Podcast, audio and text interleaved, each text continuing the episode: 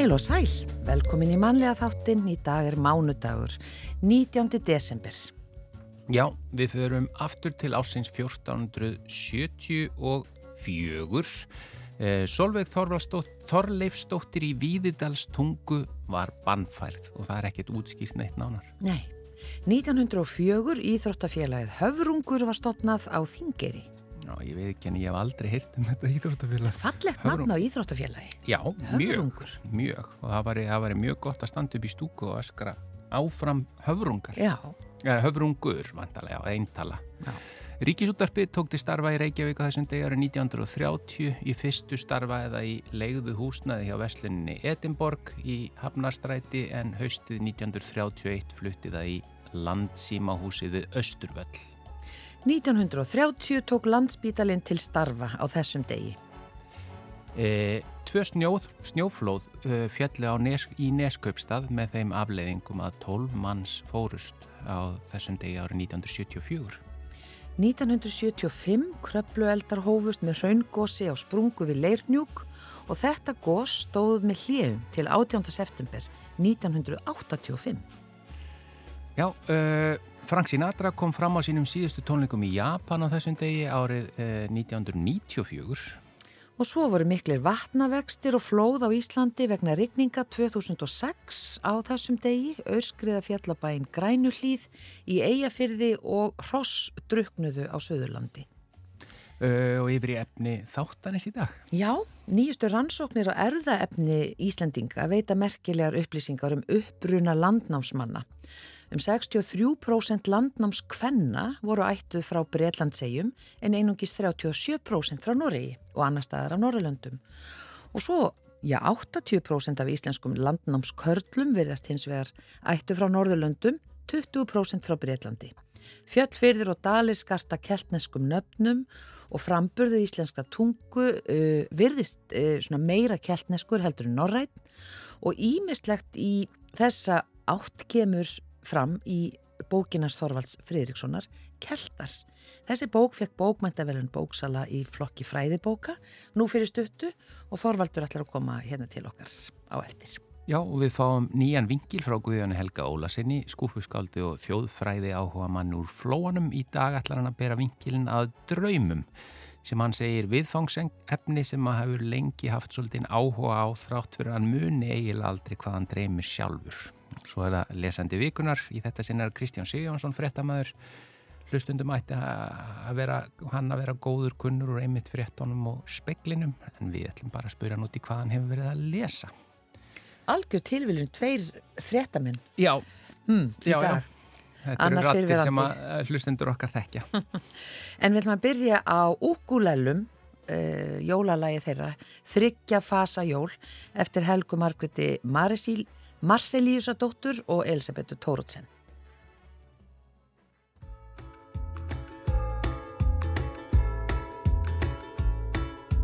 Þó það séu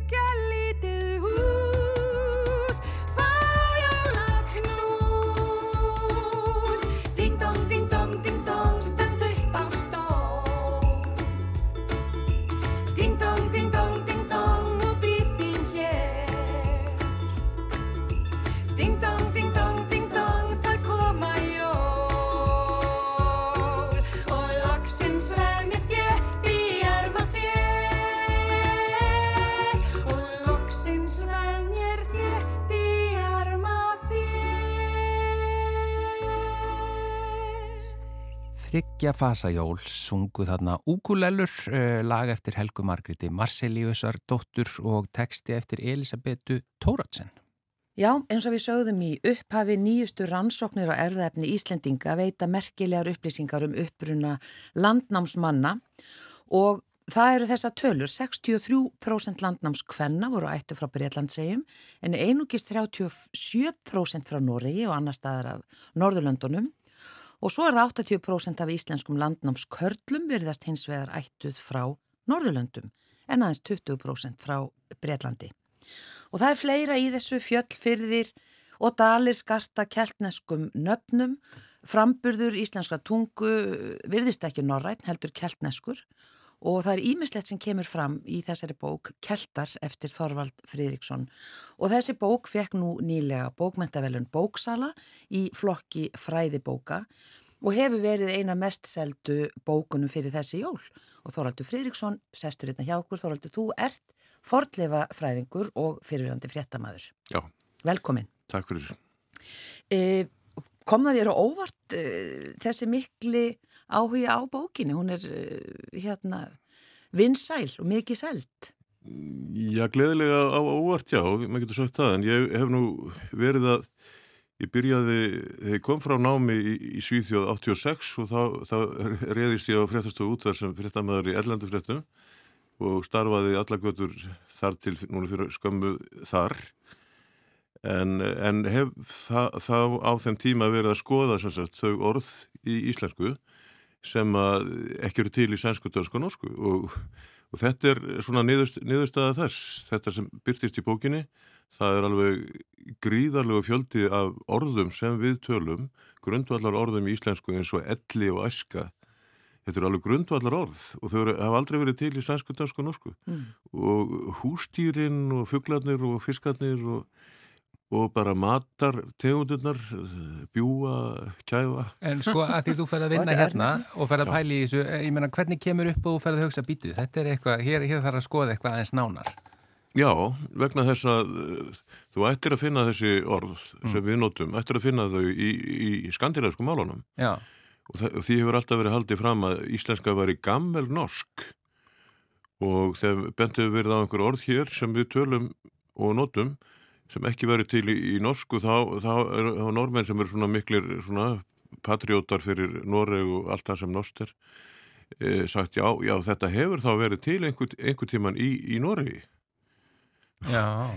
og, og, þetta það er ekki að deila við á um þetta en, en málið er það sko að síðan gerist það að tækninni flegi fram og, og við fáum hérna, sko, erðavísindi sem eru taka af skarið um uppbruna og, og þá kemur ljós þessi mikla hlutild kelta í landnáminu. 63% landnámskvæna, það er gríðarlega hátt hlutvall og þá bara getum við sagt við sjálf um sig, þetta hlýtur að hafa skilið þetta miklu miklu meira í okkar menningu okkar þjóð, þjóðháttum og, og menningu og og heldur en menn hafa vilja að vera að láta og menn vildi ekki vita þetta hérna, sagt, hér áður fyrr þá er skrifaður um þetta sko bækur á miðaldum, landnáma og Íslendingabók og beinleinis í landnámu sem er mjög merkilegt rít um uppruna einnar þjóðar það stendur í formála landnámu hér hefur að segja hvernig Ísland byggðist úr Norri sérst úr Norri mm -hmm. og síðan í lók landnámu á einu stendur Þessi bók er skrifuð til þess að við getum betur svarað erlendumannum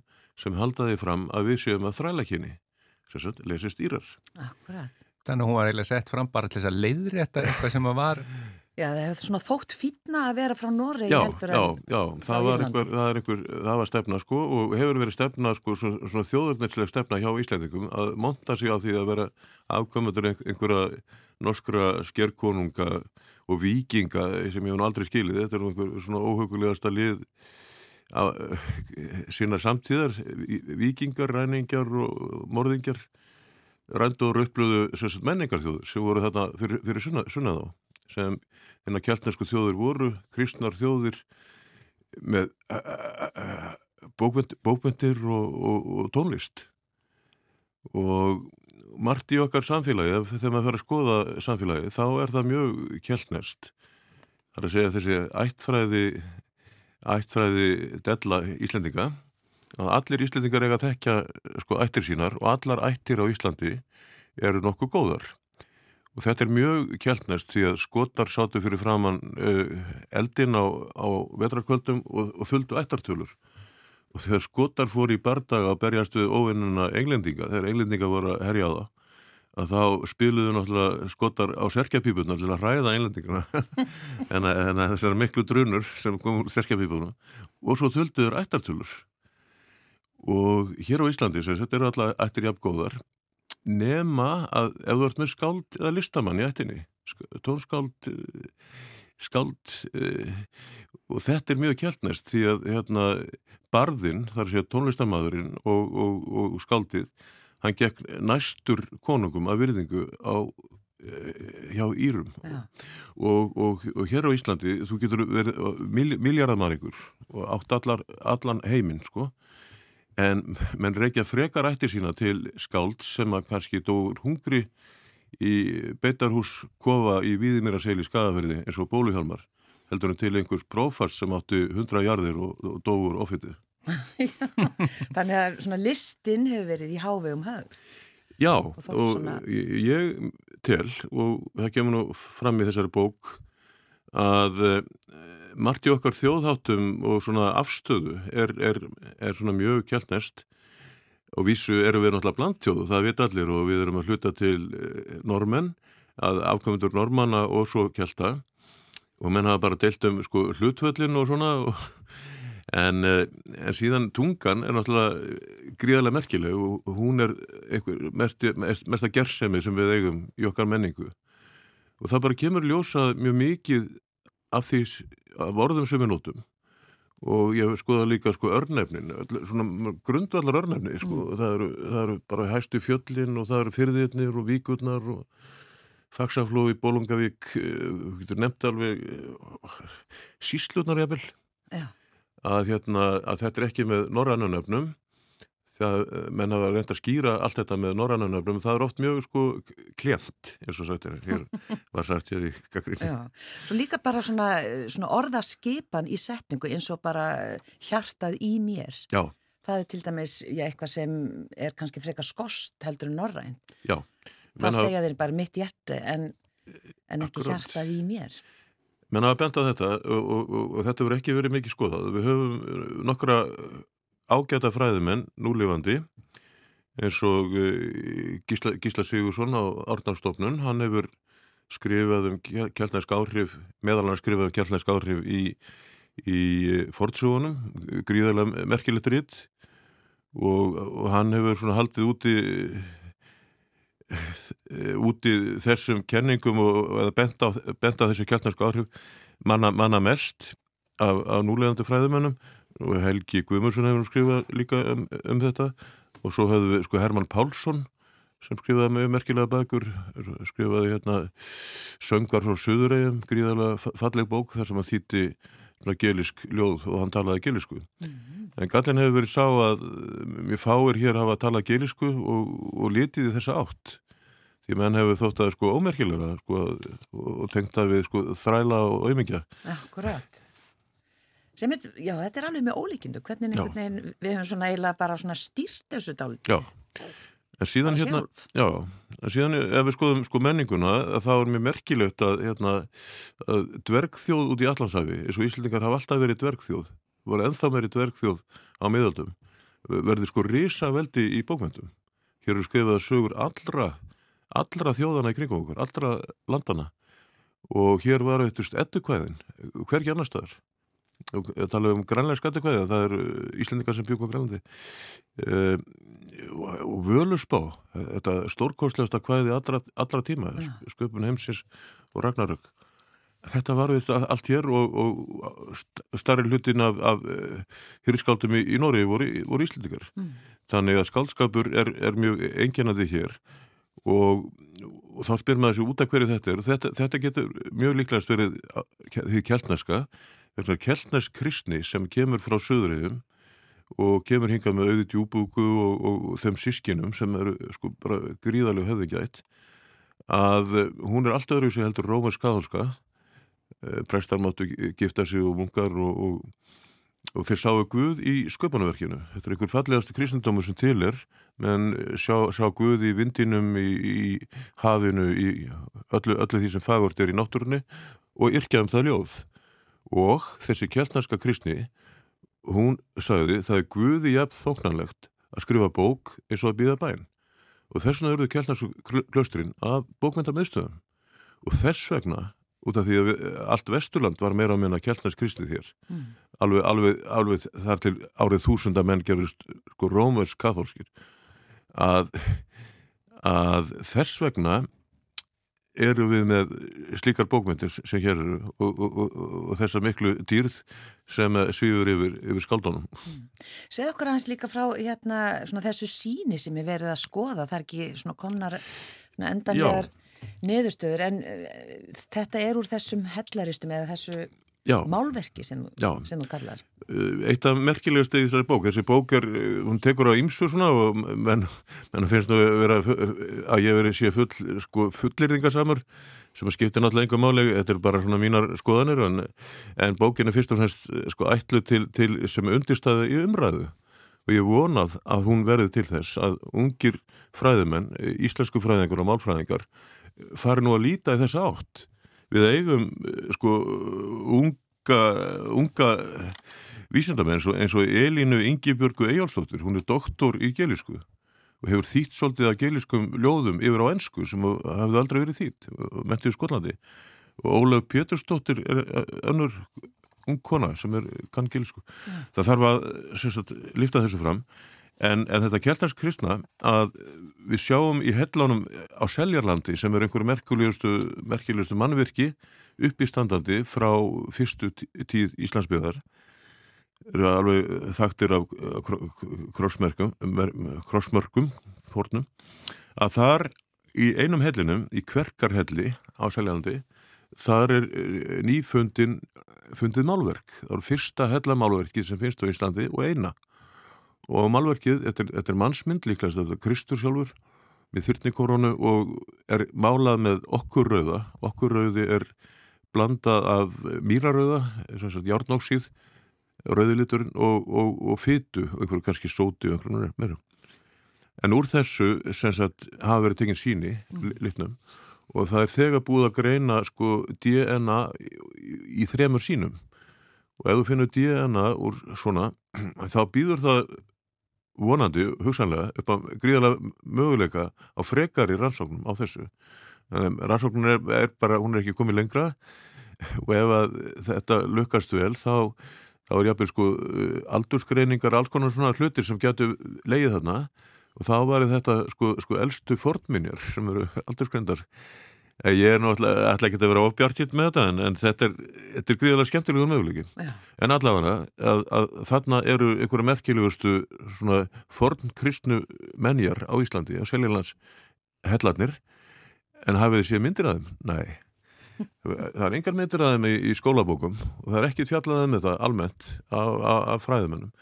En uh, íslensk uh, kanadískur forðlagafræðingur Kristján Arásson hann rannsakaði kverkarhelli og komst að því að hann væri eldri, hafi verið höggvinn sko fyrir 871 og, og alltaf leiði með það. Og það er bara mjög merkilegt. Og þetta er eini hellirinn sem er aldursgröndur en einhvað síður fekk hann mikla yfirhallingu hér af, af þessum íslensku gáðu fræðmönnum sem vildi alls ekki heyra þetta og taldi þetta, taldi þetta vera eitthvað, eitthvað, eitthvað bull og vilsu en sem sagt að, að þarna eru mjög merkilegi hlutir til staðar Mm.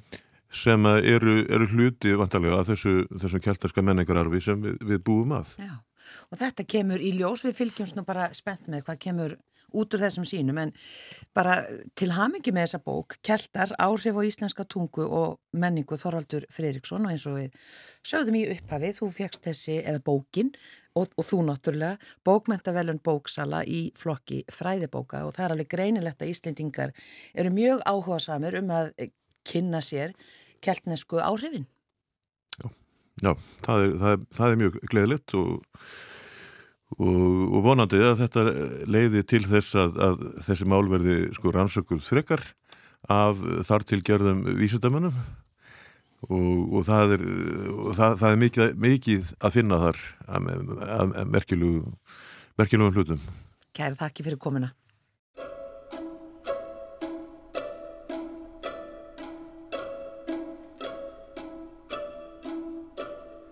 Oh, by gosh, by golly, it's time for mistletoe and holly.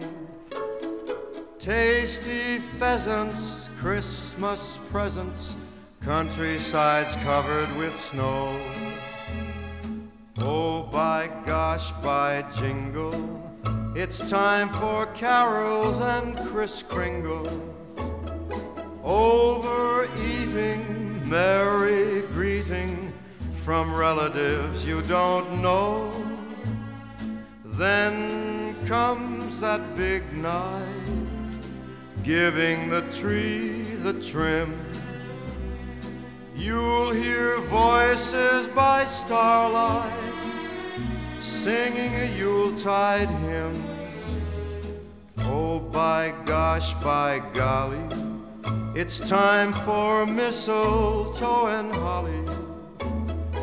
Fancy ties and granny's pies and folks stealing a kiss or two as they whisper Merry Christmas to you. Then comes that big night, giving the tree the trim. You'll hear voices by starlight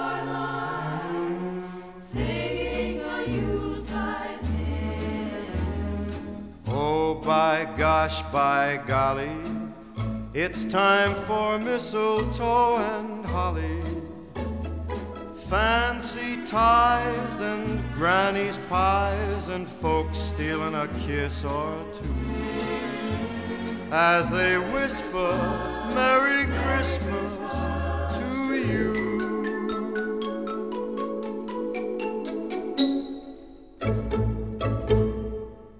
Mistletoe and Holly, þetta var Frank Sinatra.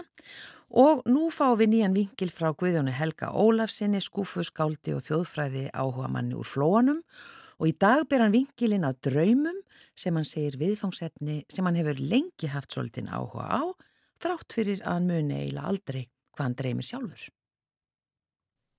Ágætu hlustendur, ég vona að þið séu sæmilega fyrir kölluð og hafi dreymt eitthvað fallegt í nótt.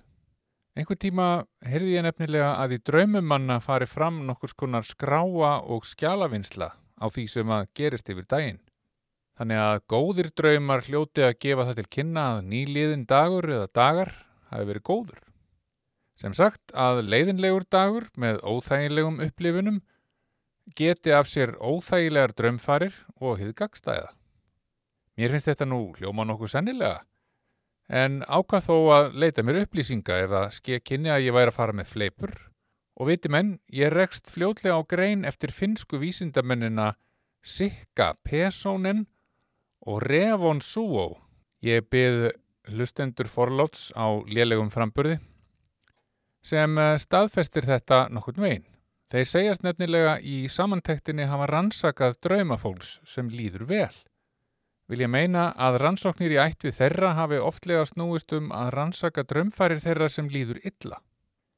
Eins er í greininni nefnt að rannsóknir á draumum séu vandkvæðum bundnar þar sem að um er að ræða ástandið svepp annars vegar og ástandið vöku hins vegar. Okkur er ekki mögulegt að gera nákvæmar rannsóknir á draumum meðan að þeir standa yfir. Við erum háð því að vakna til að hafa rænu á að segja frá draumum okkar. Og þá koma til sögunar fleiri breytur sem gera rannsóknina ónókvæmari. Eins og til dæmis svo staðrenda við erum misjaflega flink að segja frá. Sumir geta alls ekki greint frá einfaldri atbyrðarás á þess að valda miskilningi. Á meðan aðrir geta í fáum orðum komið kjarnamálsins frá sér á þess að rembast. Kanski munum við drauma næturinnar misjaflega vel líka. Rannsóknin eins og svo sem að ég vitnaði til hér að framann getur ventanlega ekki endurspegla allt mannkinn nema að takmarkur leiti að ég ímynda mér það. Fólk er jú misjaflega einrættað. Ég hef nú verið undir meðalagi áhuga samur um draumaráðningar fram að þessu en hefði kannski átt að gefa þeim meiri og betri gaum þar sem sumir virðast vera forspáir í sínum draumráðningum. Það getur vissulega verið gaglagt. Móðir mín var áhugasum um draumráðningar og þóttir hreinlega berðdreimin. Í hennar tilfelli var það svo að ákveðnir fyrirbóðar voru tengdir persónum sem komu fyrir í draumum. Því miður mann ég þetta ekki nógu vel, en mann þó að kemi amma heitin í Gölverjabæ fyrir í draumum hennar, þurftu allir að vanda sig sérstaklega vel við að vera til. Hún varaði nefnilega við aðstegandi hættu og skeikaði bara aldrei nokkuð tíma. Bubba frænka á berstaðastræti byrti stundum þegar óvæntir og skemmtilegir vinafundir voru framundan. Og til voru líka þeir sem ekki var gott að kæmu fyrir í draumum hennar, en við gerum okkur nokkið rætlu við svoleiðis úr því sem komið er. Gunnar Sigursson, frændi minn og Vilhelmína Valdimarsdóttir, kona hans, byrjuðu hvern einasta dag á því að ræða drauma sína og viðstadra ef því var að skipta. Ég var oft nætur gestur á heimilið þeirra og mann aldrei eftir að á þessu væru gerðar undantekningar. Þau voru mjög ofta ráða í veðrið. Hvítir hestar voru fyrir snjó ef ég mann rétt og mörg fleiri teikn voru analýseruð yfir morgunkaffinu. Ég held þetta hafi oftast gengið eftir eða langar að trúa því allavega.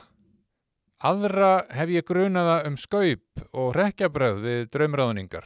Sérstaklega reyndar og aðalega Úlf vinn minn Óskarsson, verkefnistjóra kólefnismóla hjá skórektinni. Hann hefur nefnilega stundað að hlusta graf alvarlegur á fólk fara með úrdrætti úr draumum sínum og segja því síðan á þess að breyða svip að viðkomandi draumur sé alveg greinilega fyrir mildum vetri sem getur auðvitað vel verið en þegar maður hefur fylst með honum gera þetta nokkur sinnum og alltaf alveg nákvæmlega eins fara nú að renna á mann tvær grímur. Og þó, hér hafa vetur verið einstaklega mildir árum saman. Æ, ég þarf að fara betur yfir þetta við tækifæri. Annars eru draumaráðningar heilmikil fræði og ég hef hægt að tala um að þær séu reynlega yðnaður. Viljum maður lesa bækur um draumaráðningar eru nokkrar til á íslensku. Til dæmis bókin Draumaráðningar eftir Símon Jón Jóhansson, þjóðfræðing, þar sem finnum á ráðningar á um fjögur þúsund draumtáknum og svo eru einhverjar þýttar draumaráðningabækur þarna líka, til dæmis þúsund draumaráðningar eftir Michael Powell og þá er eftir að nefna til sögunar fjöldan allan af draumráðningabókum á erlendum tungum. Það væri áhugavert að rannsaka svo litið hvort að draumráðningar og draumtákn séu með svipuðum hætti á milli mál og menningarsveða og hvort að Ísland skeri sér með einhverjum hætti frá öðrum þjóðum hvað það varðar. Og kannski er búið að rannsaka þetta í einhverjum af þessum bókum, ég bara þekki það ekki, en þetta er áhugavert verkefni og ég vona svo sannarlega að einhvern með alvöru áhuga og þekkingu á málinu takið að sér, það er ekki bara þegar búið. Nú, nú, kannski bara eðlilegt að við Íslendingar séum svo litið upptekinn af draumum og draumaráðningum. Þetta er alls ekki nýtt sport hérna drauma og fyrirbóða má finna víða í okkar bókmyndahefð. Ég stendst ekki mátið og vitna í doktor Kristoffer Krokkar sem árið 2016 varði doktorsritger sína með heitinu Íslendingasögur, staðsetning drömsins yfir náttúrulegir draumar í Íslendingasögum við uh, Háskóla Íslands en í liðnum um efni ritgerðarinnar er fyrsta málskrein orðrétt eftirfarandi og tilvitnun hefst Þessi rítgerð fjallar um drauma og hvernig aðtöfninni að dreyma er líst í Íslendingasögum. Eins og ímsar miðaldaheimildir gera sögurnar draumum hátt undir höfði sem mikilvægum þætti mannleira reynslu. Aðgrendum en þó rækilega tengdum reynslu vökunar. Þannig má líta á þá sem vittnisspurð um virk eða gegndræp mörg, millir draumlífsins og venjulegra reynslu vökulífsins Þannig að draumurinn er þá í grundvallaratriðum yfir náttúrulega reynsla, tilvitnin líkur. Þetta þykir mér ákaflega vel orðað og rammar kannski inn að annars vegar eigum við bókmæntarfin og þjóðtrúna en hins vegar það sem frændur okkar Sikka, Pesonin og Revun Súó sem ég myndist á hér í upphafi komust að við rannsóknir sínar. Okkur dreymir sennilega öll eitthvað og að sumir eins og sá sem hér talar muni sjaldnast nokkuð skapaðan hlut af því.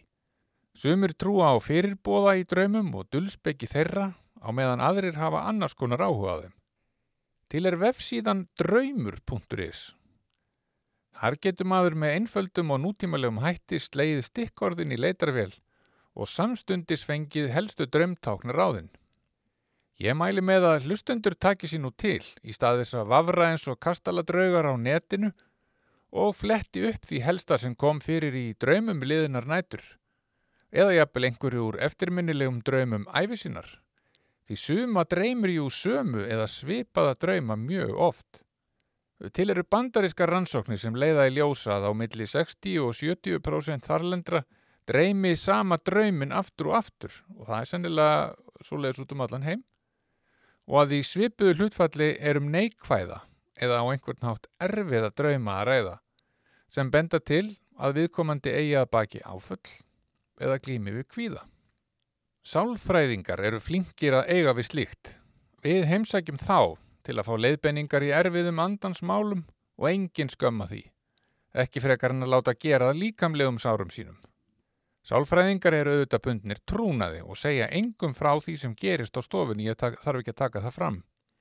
Og þó, vinnur minn sagði mér sögu af sálfræðingi um daginn sem að hann fullirðir að sé dagsönn. Sálfræðingurinn satt í stól og var eitthvað að pára á blaði í minnisbók. Sjúklingurinn lág út af í tveggjamanna hægindastól og leið vel, let dæluna ganga fyrir hann og lust og sagði að undanfarnar nætur hafi hann dreymt svo undarlegan draum um maura. Nú, segi sálfræðingurinn, hvað eru þessir maurar að gera? Þeir í fótbolta, sagði sjúklingurinn og það er svo einkennilegt að draumurinn heldur áfram nótt eftir nótt.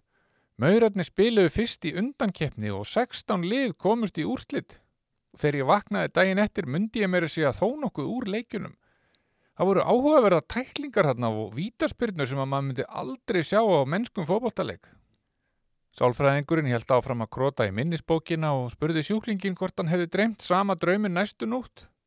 Nei, svaraði sjúklingurinn, þá var eins og þau heldu áfram þar sem frá var horfið nóttina á undan. Einkennilegt og svo þegar ég vaknaði þá voru átta lið komin í úrslit. Nú leitt sálfræðingurinn upp úr minnisbókinni og horfið á sjúklingin. Spurði hann síðan hvort að keppnin heldi bara áfram nótt eftir nótt. Jú, sjúklingurinn sagði að það væri tilfellið, maurarnir spiluðu fótbolta og að tilfinningin væri ekki ósvipu því og að sitja heim í stofu og horfa á leiki sjónvarpinu.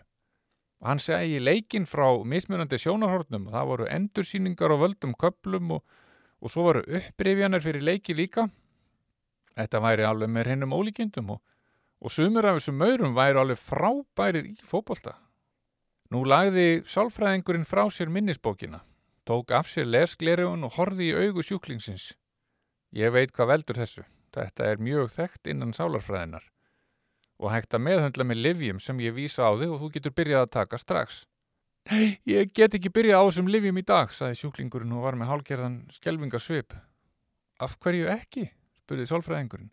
Það er best að byrja strax, þá verður orðin góður um jólinn. Nei, ég get ekki byrjað í dag. Úrslitaleikurinn er í nótt.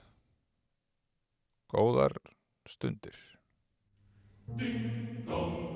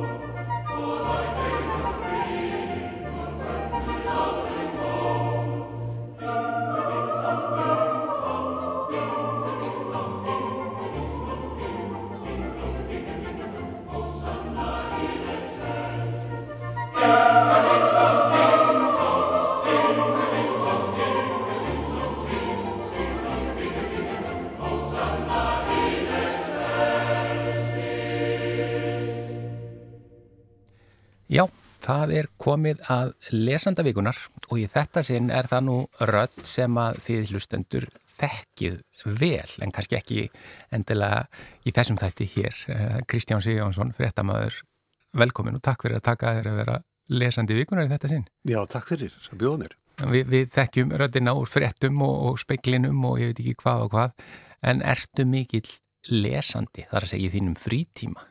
Já, ég er alltaf með einhverja bók í takinu. Ég held ekki til sagt það. Eh, sko, mikill lesandi, ég, veist, ég fer ekki hratt yfir. Ég er svona frekar hægur lesandi Mm. og eh, staldra oft við málskreinar og setningar og, og lesar aftur. Já, Þannig að ég, svona, ég skauta ekki við bækur. nei, þú ert Ég- ekki hraðlesari. Nei.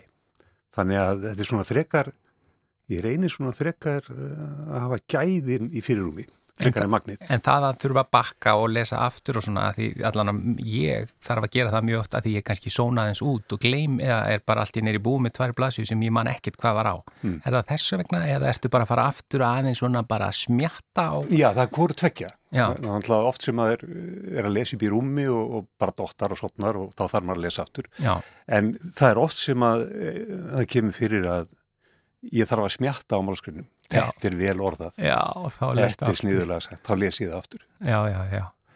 En hvað, hvað svona lestu helst? Hvað er svona, er einhver tegund á bókmentum? Já, ég er nú eiginlega mest fyrir skálsögur Já, og uh, ég var að reyna svona skilgrina fyrir sjálfum mér sko hvers konar skálsögur ég, svo ég svo- sem ég fíla mhm, og það er svona það er viss tegund af skálsögum sem ég kann best við það er hún þarf að hafa sögutráð hún þarf að segja góða sögu. Mhm, uh, hún má vera dramatísk en ég leita svolítið eftir svona lúmskum húmor á bakvið já, og uh, höfundur sem að ná þessu þeir hylla mig mest.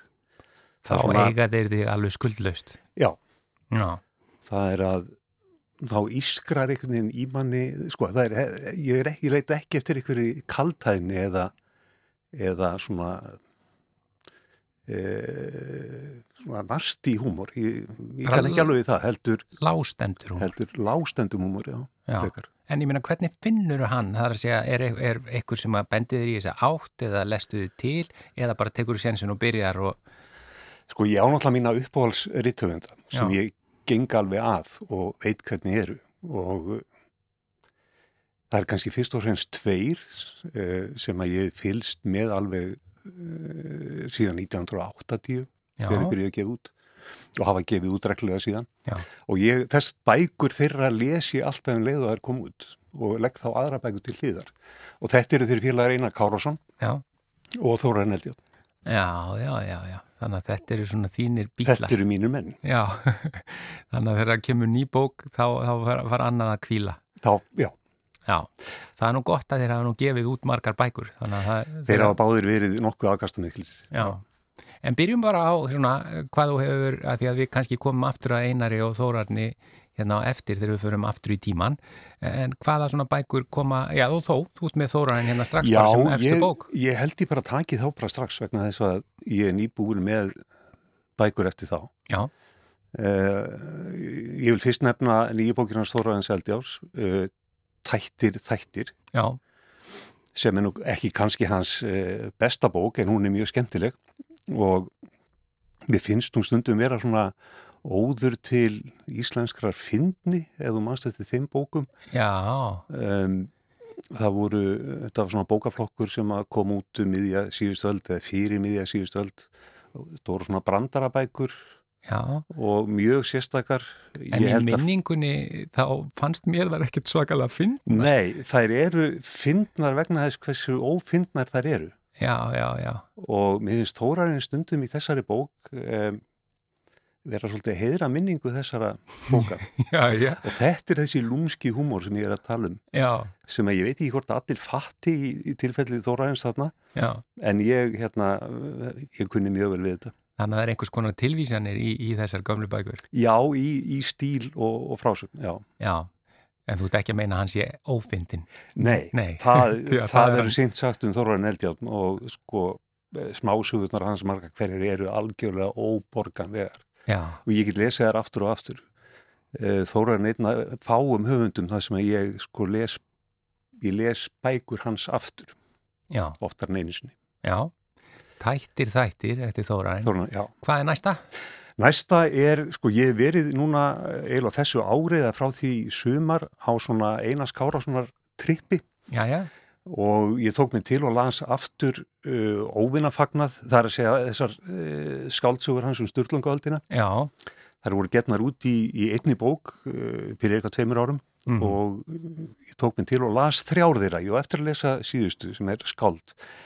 En þetta eru alveg magnaða bækur uh, og finnst mér bara með betri bókum á þessari öld, íslensk höfundar á þessari öld sem komið er. þarna er ímislegt að smjatt á. Ég misla að þarna, þarna fer maður sundum aftur og lesa aftur. Já, en þessi sko að því styrlungaöld og allt þetta allir þessi ófríður og, og hérna milli, milli hinn á þessara fjölskyldna og annað, þetta er, þetta hljómar alltaf í mínum eirum og augum svolítið eins og svona sjómasþáttaröð allan að miða við hvað hefur verið gert undanfærin ári í svoleiðis framleyslu. Þetta er náttúrulega alveg, eh, sko ég veit í hvaða efni væri betur fallið til sjómanstátt að gerðar Já. Heldur en, heldur en þessi öld. En hins vegar, sko ég þakka Einari Kárasinni kærlega fyrir að hafa komið þessari sögu í þetta form. Því ég held að þessi fáir, það er ekki margir sem að leggja í að lesa styrlungu sjálfa. Það er, að mér skilist mikið torf. Já, en hann, hann gerir þetta Hann aðgengilegra. gerir þetta mjög aðgengilegt og mjög skemmtilegt og frásagnarformið er mjög, mjög skemmtilegt. Hva- Hvað heitir þessi stóra Hún sapbóka? heitir Óvinnafagnar, hún heitir það, já. það er eftir einni bókinni, sko, þetta er Ofsi, Skálmöld og, og Skáld heita hinar bækunar. já.